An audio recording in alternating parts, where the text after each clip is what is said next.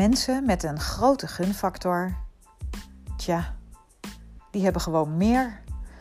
Meer leuke vrienden, meer leuk werk, meer gave klanten. En niet dat meer nou per se het doel zou moeten zijn, maar soms is meer van iets wel heel prettig. Want je kunt dus nog zo'n mooi cv hebben, of zo'n briljante opleiding of mooie baan. Maar als ze het jou niet gunnen, dan zul je toch dat mooie project niet krijgen. Deze podcast gaat over de gunfactor.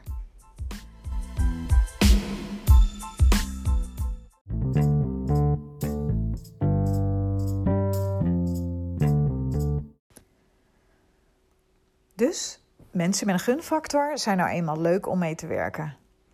Er valt goed mee samen te werken in teams en hun energie voelt prettig aan. Allereerst maar eens een paar dingen die juist tegen je werken als het gaat om gunnen. De eerste, terminale serieusheid. Volgens mij is dit een term die door de vrije denkers ontstaan is op YouTube en ik vind het een briljant mooie term. Want passie is mooi, maar het kan ook echt doorslaan in te veel en te hard en te serieus met werk bezig zijn. Jezelf zo serieus nemen dat het niet meer ontspannen voelt in je lijf en ook niet ontspannen overkomt. Mensen met een gunaspect hebben dus de juiste balans in passie en ontspanning, waardoor er ruimte ontstaat voor humor en plezier. De tweede, luisteren om te antwoorden. Veel mensen luisteren niet echt. Ze horen wat je zegt om vervolgens hun eigen verhaal te kunnen vertellen.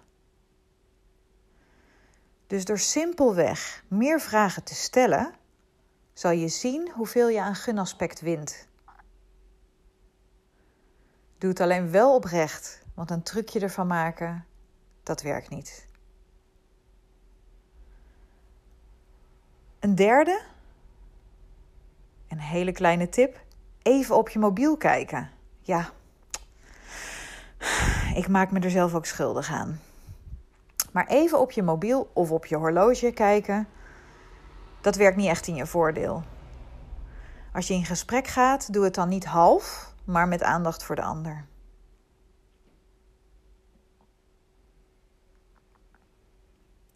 De laatste, een rigide denkwijze.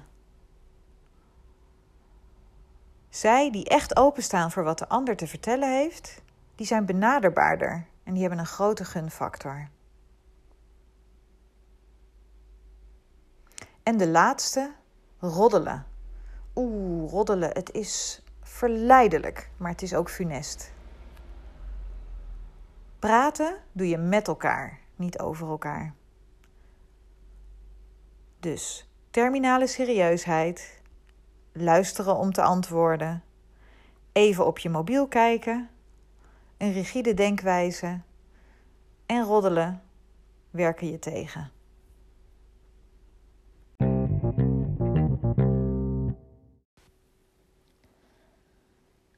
Geef een reden. Een van de favoriete vragen van ons brein is waarom? Je zal het wel herkennen. Waarom moet ik iets doen? Een reden maakt dat iemand zich welwillender opstelt. En dat hij ook nog beter onthoudt wat hij ook weer voor je moest doen. Eh, dat bleek ook uit een sociaal gedragsexperiment van Dan Pink voor zijn televisieshow Crowd Control op uh, National Geographic. Wat deden ze dan in dat experiment? Ze fingeerden een vliegtuigcrash. De mensen aan boord werd van tevoren een standaard riddeltje verteld over iets met een zuurstofmasker. Iedereen luisterde met een half oor. Het vliegtuig stortte neer en bijna niemand wist wat hij ook alweer moest doen. Overlevingsaantal minimaal. In een tweede poging pakte het vliegtuigpersoneel het anders aan. Ze vertelden waarom die instructies zo belangrijk waren en wat er zou gebeuren als ze niet opgevolgd werden. Klap alstublieft uw tafeltje omhoog. Als u dat niet doet en u probeert te evacueren, kan het in uw buik steken en uw interne organen beschadigen.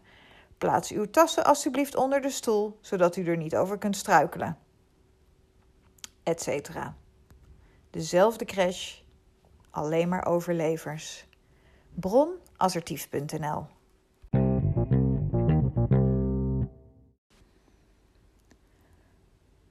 In gunnen gebeurt er iets in de relatie dus, los van dat wat je kunt. Daar heb je jou voor nodig en de ander. Anders is het geen relatie. Laat ik even beginnen bij jou en je positieve mindset. Die positieve mindset wordt getoond met, jawel, daar is die, de glimlach. De glimlach is de smeerolie voor elke relatie. Ik spreek er dan ook over in mijn laatste boek Neuromarketing voor sollicitanten. Niets is zo aantrekkelijk als een glimlach of een lach. Voor de ander en voor jezelf. Nep of echt, maakt echt niet uit. Een studie door Franse en Duitse wetenschappers laat zien dat iets kleins als een glimlach al het gevoel van vertrouwen verhoogt. En we ook nog intelligenter en aantrekkelijker overkomen. Als je dit gaat toepassen, heeft het ook nog een positief effect. Je voelt je beter door de glimlach omdat die zorgt voor een chemische reactie in je hersenen. Daarbij komen de hormonen dopamine en serotonine vrij. Van dopamine word je gelukkiger. En als serotonine vrijkomt, daalt je stressniveau. Met een geforceerde glimlach kan je dus hersenen al laten denken dat je gelukkig bent. En dat kan echt een gevoel van geluk teweeg brengen. Wil jij werken aan je glimlach? Doe dan niet alleen je mondhoeken omhoog, maar laat je hele gezicht meewerken en beleef de positieve, bijbehorende emotie, zodat de glimlach van binnenuit komt. En dan de ander. Op het moment dat we weten dat de ander positief over ons denkt, denken wij ook positief over die ander.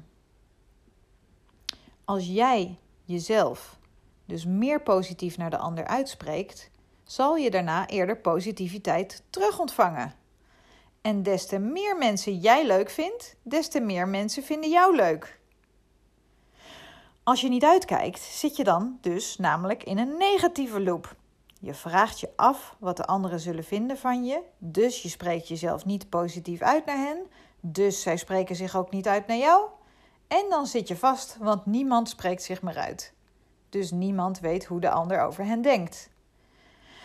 En dat terwijl we het allemaal super belangrijk vinden om gezien en gehoord te worden. Oftewel, houd je complimenten en positieve gevoel over de ander vooral niet in maar spreek het uit. Lijkt me heerlijk trouwens dat we allemaal een beetje meer luisteren. Dat we allemaal wat meer aandacht naar de ander gaan geven. En gaan glimlachen. Daar wordt niet alleen jouw wereld, maar ook de wereld een stukje mooier door. Laat je me weten hoe het ging?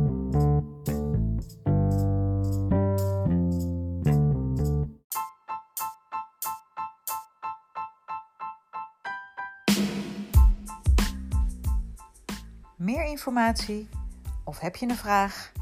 Ga naar www.pintapeople.com. Dit was de Carrière Podcast. Tot de volgende keer.